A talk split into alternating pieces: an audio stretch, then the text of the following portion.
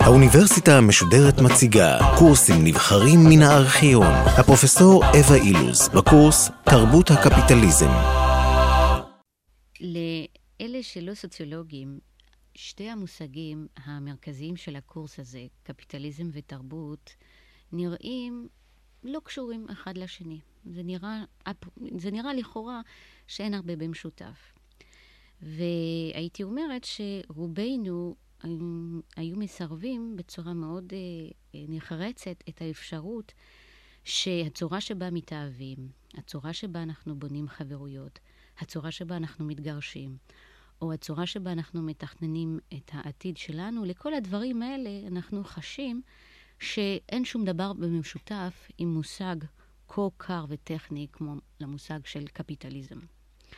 רובנו רואים את עצמנו כיצורים חופשיים, ייחודיים, מקוריים בהחלטות שלהם, בדעות שלהם, ברגשות שלהם, והייתי אומרת שיש אפילו משהו קצת מעליב באפשרות שמה שמגדיר אותנו, מה שמגדיר את החיים הפנימיים שלנו, יכול להיות איכשהו קשור ואיכשהו נגרם על ידי הצורה שבה החברה מארגנת את הפעולה הכלכלית שלה.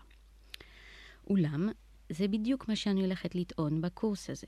אני הולכת לטעון בקורס הזה שהצורת הפעולה הכלכלית שאנחנו קוראים לה קפיטליזם, שינתה באופן מסיבי את החיים הפרטיים שלנו, את הצורה שבה אנחנו מתייחסים לעצמי שלנו, לזהות שלנו, הצורה שבה אנחנו מתכננים את החיים שלנו, איך אנחנו מתייחסים לאהבה, לאינטימיות, איך החיים שלנו מובנים או לא מובנים, איך אומנות נוצרת, איך רעיונות מופצים וכדומה.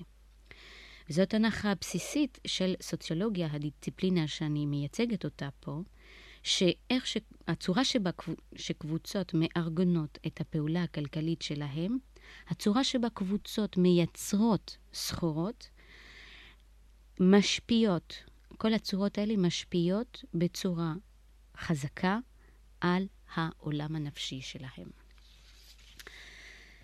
אז כדי להתחיל, אה, זאת לא תהיה הגזמה לומר שהקורס הזה מטפל בשתי המושגים אולי הכי מעורפלים של סוציולוגיה. יהיה מאוד קשה למצוא מושגים כה מעורפלים וכה ניתונים לוויכוח כמו המושגים של קפיטליזם ושל תרבות. המושג הראשון, קפיטליזם, מתייחס לארגון ספציפי של עשייה כלכלית, והמושג השני מתייחס לרעיונות, עמדות, ערכים, גם מודעים וגם לא מודעים, שדרכם אנשים מתנהגים, מבטאים את עצמם ומתייחסים לאחרים. למעשה אפשר לומר ללא הגזמה ששתי המושגים האלה של קפיטליזם ותרבות סימנו מתחילה את הגבולות של הדיסציפלינה הסוציולוגית. זאת אומרת, הם, שני המושגים האלה, אה, אה, אה, שתי העיסוקים המרכזיים של כל הדיסציפלינה הסוציולוגית. והייתי אומרת שהשאלה המרכזית שאליה הסוציולוגים מסוף המאה ה-19 ניסו לענות אליה, ועד היום, עד היום זה ממשיך, השאלה הזאת המרכזית היא איך הכוחות הפנומנליים של קפיטליזם משנים את המשמעות של מה זה להיות בן אדם, מה זה לארגן חברה. השאלה שהסוציולוגים שואלים מהמאה ה-19 עד היום זה האם קפיטליזם מסמן כניסה לסוג אה, אה, אה, חדש של אנושות, או האם זאת רגרסיה לתוך ברבריות. האם אנחנו חופשיים יותר ממה שהיינו קודם, או האם אנחנו צמיתים לאדון שהוא עוד יותר חזק מכל האדונים הקודמים. אלה השאלות שמלכתחילה עמדו בלב ליבה של סוציולוגיה, ולכן הקורס הזה למעשה נוגע בשאלות המרכזיות של כל הדיסציפלינה כולה. זאת אומרת, אם לומר את זה במילים אחרות, סוציולוגיה שקמה כדיסציפלינה במחצית המאה ה-19, אה, קמה כהדיציפלינה שרצתה להבין את ההשפעה של קפיטליזם על החברה. אה, והמושג של, וזאת הסיבה שאנחנו נתייחס לא מעט לסוציולוגים קלאסיים כמו מרקס, ובר, זימל, ובצורה מועטה יותר לדורקהיים, בגלל שכל הסוציולוגים הקלאסיקאים האלה ראו בקפיטליזם את המוקד של החברה המודרנית שאותה הם רצו להבין. אז אה, בקורס הזה אני אתייחס גם לגישות של הסוציולוגים הקלאסיים, אבל אני גם אטען שבסוף המאה ה-20 אנחנו צריכים גם לעדן את הגישות של הסוציולוגים הקלאסיים האלה. אז קודם כל אני רוצה קצת להגדיר מה זה קפיטליזם. כולנו כל כך שקועים בעולם קפיטליסטי, שקשה לנו לדמיין איך זה היה יכול להיות אחרת פעם. למשל, זה נראה לנו מאוד טבעי שאם אנחנו צריכים בגדים, אנחנו הולכים לחנות וקונים בגדים, מה שנקרא, מוכנים. אה, ואנחנו שוכחים שעד לא לפני הרבה זמן, לגברים ולנשים היו קודם כל מעט מאוד בגדים. המושג של אופנה היה לא מוכר לרוב האנשים. ושבגד אחד היה יכול אה, להחזיק אה, כמה שנים טובות. ושאם מישהו היה צריך בגד, או שהוא היה עושה לעצמו, או עושה לעצמה את הבגד, או שהיא הייתה הולכת לחייט אה, שהיה עושה את זה בשבילה. באותה מידה זה נראה לנו מאוד טבעי שאם אנחנו רוצים אה, אוכל, נראה, אנחנו הולכים לסופרמרקט, בוחרים בין מוצרים שונים, משלמים ויוצאים. אבל גם זה, זאת תופעה די חדשה כמובן. במשך רוב ההיסטוריה, האוכל נוצר על ידי המשפחה אה, לצריכה בתוך המשפחה. לפעמים אוכל נקנה בשווקים פתוחים, לפעמים זה נקנה על, עם כסף, ולפעמים קנו סחורה בסחורה. בכל מקרה, אה, זה לא הייתה אופרציה פשוטה. לא היה מה שקוראים היום מבחר, לא היה מגוון מוצרים, לא היה אה, מוצר מיוצרים על ידי פירמה שאפשר אה, לזהות אותה. אה, כל הדוגמאות האלה פשוט באות כדי להמחיש את זה שפעולות שאנחנו מתייחסים אליהן היום כטבעיות, אה, הן למעשה תוצאה אה, כמעט הייתי אומרת של המאה ה-20, או לפחות של ה-200 שנה האחרונות. בואו אני אקח דוגמה אחרת כדי להמחיש את זה עוד יותר. אני אקח את הדוגמה של שבט הנייקה בדרום אינדיה. שבט הנייקה הוא שבט של ציידים לקטים. וכל העשייה הכלכלית שלהם, אפשר לומר שהיא מנוהלת על פי העיקרון של חלוקה שווה. למשל, כשצייד או ציידים הולכים לצוד אחרי בשר, וחוזרים לכפר עם הבשר שלהם, אז כל הכפר מתחלק בבשר שהם תפסו. זאת אומרת שאין פה עיקרון של שמי שמצא או מי שהרג את החיה, אוכל את החיה לבד, אלא הבשר שייך לכל הקבוצה. אין תפיסה אינדיבידואלית, אינדיבידואליסטית של פעילות כלכלית, אם אתם רוצים, יצ... של הבשר מבוססת על קניין פרטי. זאת חברה שבה הפעילות הכלכלית היא לא מכוונת לעשיית רווח, אלא מכוונת להתחלקות שווה, שבה כל העבודה של כל אחד אמורה לתרום לכל הקבוצה. ובנוסף לכך, באותו שבט אין הגירה של אה, מזון, למרות שהם יודעים איך לאגור את המזון. זה לא שהם לא יודעים. למה אין הגירה של מזון? בגלל שהייצור של מזון הוא מיועד לצריכה, כדי למלא ולספק צורך מיידי. לא כדי למכור, לא כדי לעשות רווח, לא כדי לשמור לזמנים הקשים.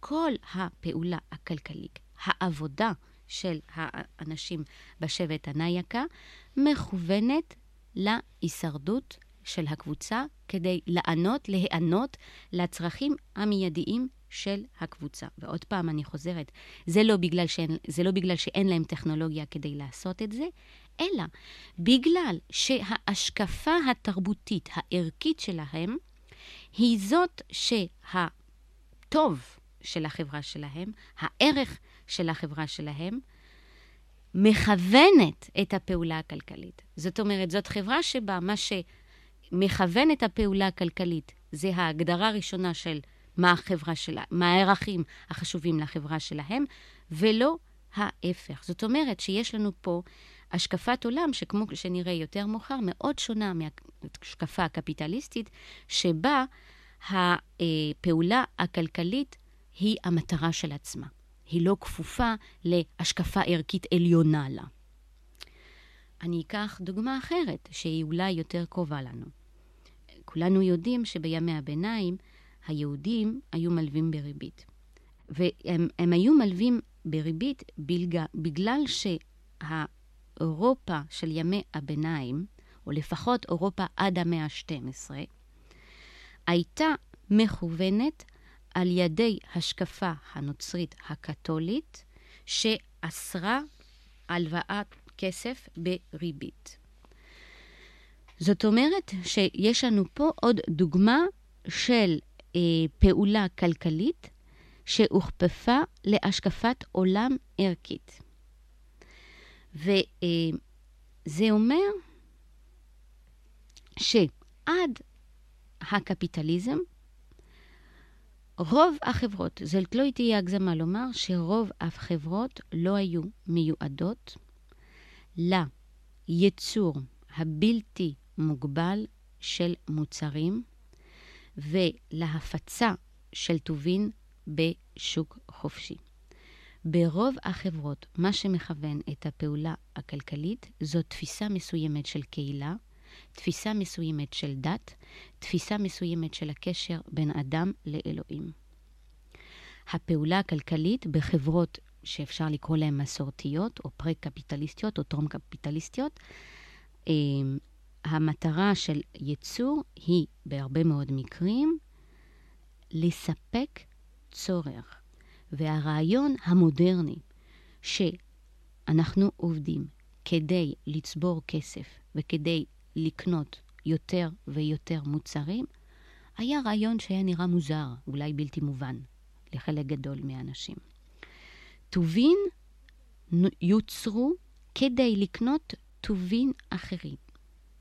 טובין, זאת אומרת סחורות, יוצרו כדי לקנות סחורות אחרות שהיה בהן צורך, ולא כדי לעשות רווח או לאגור כסף. אמ, אני רוצה לקחת עוד דוגמאות אחרות כדי להמחיש את ההבדלים עם הכלכלה המודרנית.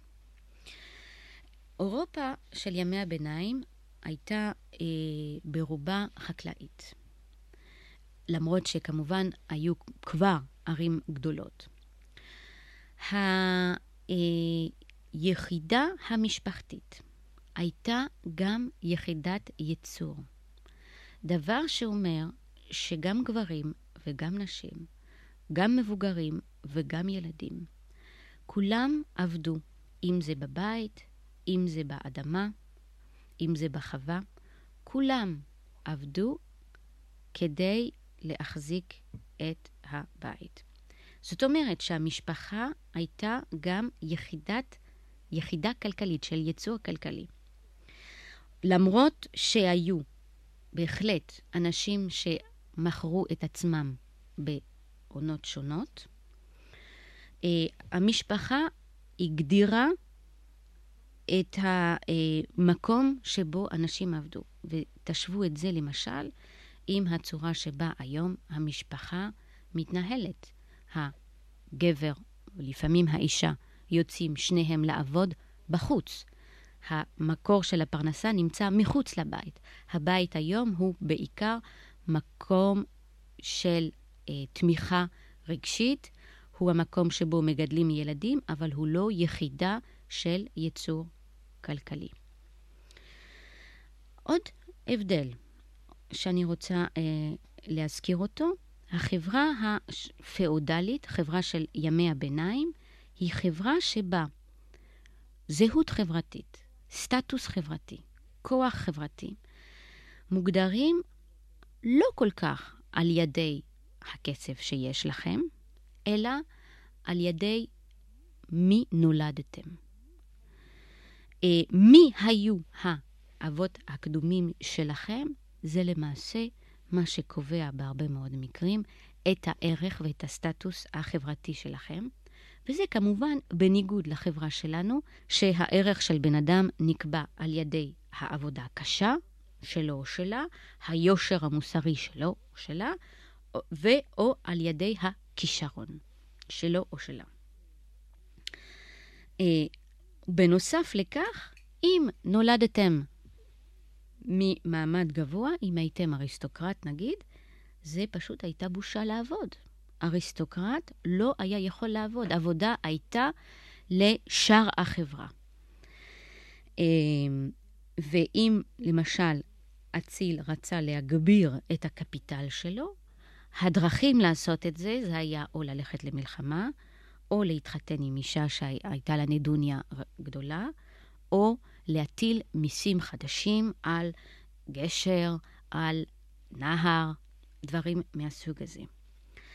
כל זה, אני מקווה, נותן לכם תחושה קונקרטית של הצורה שבה האירופה של ימי הביניים נבחנת מחברה שלנו, שבה מוביליות חברתית, זאת אומרת, להיות יותר מה שההורים שלי היו, נקבעת על ידי עבודה קשה וכישרון.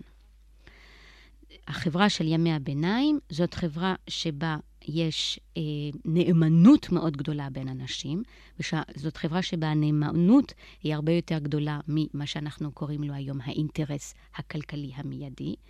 זאת חברה שבה מה שמגדיר אנשים זה לא התעסוקה שלהם, אלא ממי הם נולדו, הדת שלהם, אולי האזור שבו הם אה, גרים.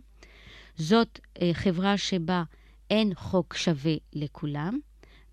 אה, בקיצור, זאת חברה מאוד שונה מחברה שלנו, שמגדירה שוויון פורמלי של סיכויים בין כל אחד. ותנו לי להגיד קצת יותר על זה. בכלכלה קפיטליסטית, הייתי אומרת שהדבר, קפיטליזם מתאפיין בהרבה מאוד אה, צורות שונות. אבל אני רוצה פה רק לנסות להגיע ללב-ליבה של קפיטליזם. מה מאפיין קפיטליזם?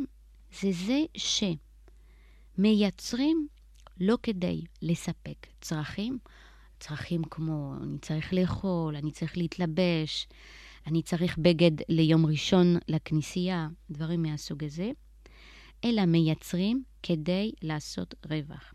קפיטליזם מתרחש כאשר הקפיטל מושקע לצמיחה עצמית. דהיינו, כאשר המטרה של הייצור של סחורה היא לא לקנות סחורה אחרת, אלא כדי לעשות יותר כסף, שאני אחר כך אשקיע אותו כדי לעשות עוד יותר כסף. זאת אומרת, במקום שיהיה לנו מסלול של אני, אני מייצר מוצר, מוכר אותו, מקבל כסף עבורו וקונה מיד מוצר אחר כדי לספק את הצרכים שלי, יש לנו מסלול אחר. אני מייצר, יש לי כסף, שזה הקפיטל, אני מייצר מוצר, מוכר אותו, מקבל כסף שאני משקיע חזרה, כדי לייצר עוד יותר. עכשיו, כמובן שהפעולה הזאת שתיארתי, של אה, יצירת אה, אה, כסף, יצירת רווח, הייתה קיימת לפני המודרניות פרופר, כמובן. אבל למשל במאה ה-12, בימי הביניים, יש בהחלט, אפשר לזהות כבר פעילות שאפשר לקרוא לה קפיטליסטית, למשל על ידי סוחרים. אבל לפני נקודת זמן מסוימת, לפני עידן היסטורי מסוים, זה לא היה מאוד קל. לעשות את זה. זאת אומרת, למשל, זה לא היה מאוד קל למצוא עובדים זולים, זה לא היה מאוד קל להפיץ סחורות, זה לא היה מאוד קל למצוא קהל רחב של קונים. זאת אומרת שלכל המסלול של יצירת מוצר היו כל מיני קשיים בדרך. אה, ולפני אה, המאה ה-16, ואולי יש הסבורים שלפני המאה ה-19, זה לא היה קל להשלים את כל השרשרת של תהליכים שהיו נדרשים כדי לסגור מה שנקרא המעגל של הקפיטל. זה מעגל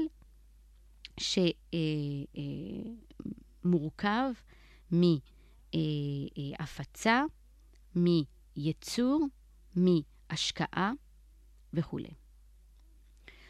ולכן אפשר לומר במשפט אחד, שמה שמאפיין קפיטליזם זה המסחור, קומודיפיקציה, כמו שאומרים בסוציולוגיה, קומודיפיקציה או מסחור של כל התהליכים האלה, של תהליכים של ייצור, חליפין, הפצה, השקעה.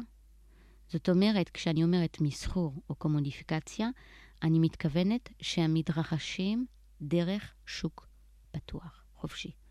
למשל, אה, עובדים באים ומוכרים את כוח העבודה שלהם. או למשל, אם אני מייצרת מוצר, יש לי נגישות ישירה, אני יכולה להפיץ אותו באופן ישיר לקונים שלו. עכשיו השומע בטח שואל את עצמו, בסדר, אבל מה לי ומה לכל הדברים האלה? מה זה נוגע לחיים שלי? מה זה קשור לרגשות שלי? עכשיו תשאלו את עצמכם את השאלות הבאות. אם במקום אה, לעבוד באדמה שבה נולדתם. אתם צריכים ללכת ולמכור את הגוף שלכם לבית חרושת, שהיא, שהוא נמצא הרבה פעמים רחוק מהכפר שלכם. מה תהיה ההשפעה של תופעה כה פשוטה על הקהילות?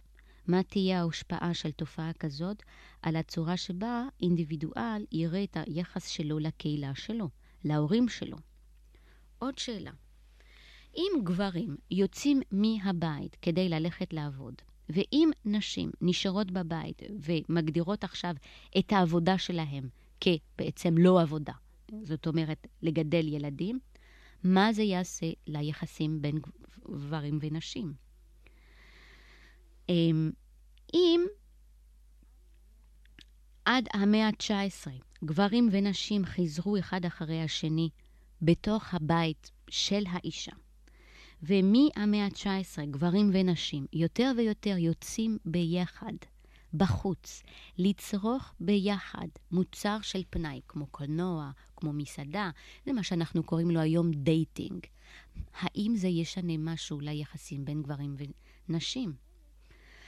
אלה סוג השאלות שאני אטפל בהן בקורס הזה, ולפני שאני אה, אסיים, אני רק רוצה לומר שהקורס הזה ישאל שאלה אה, מאוד קשה, בגלל שלקפיטליזם יש תוצאות מאוד פרדוקסליות ואפילו סותרות. ואני רוצה להשאיר אתכם עם פרדוקסים. עם, למשל, הרבה מאוד סוציולוגים קלאסיים טוענו שקפיטליזם גרם להרס הקהילה.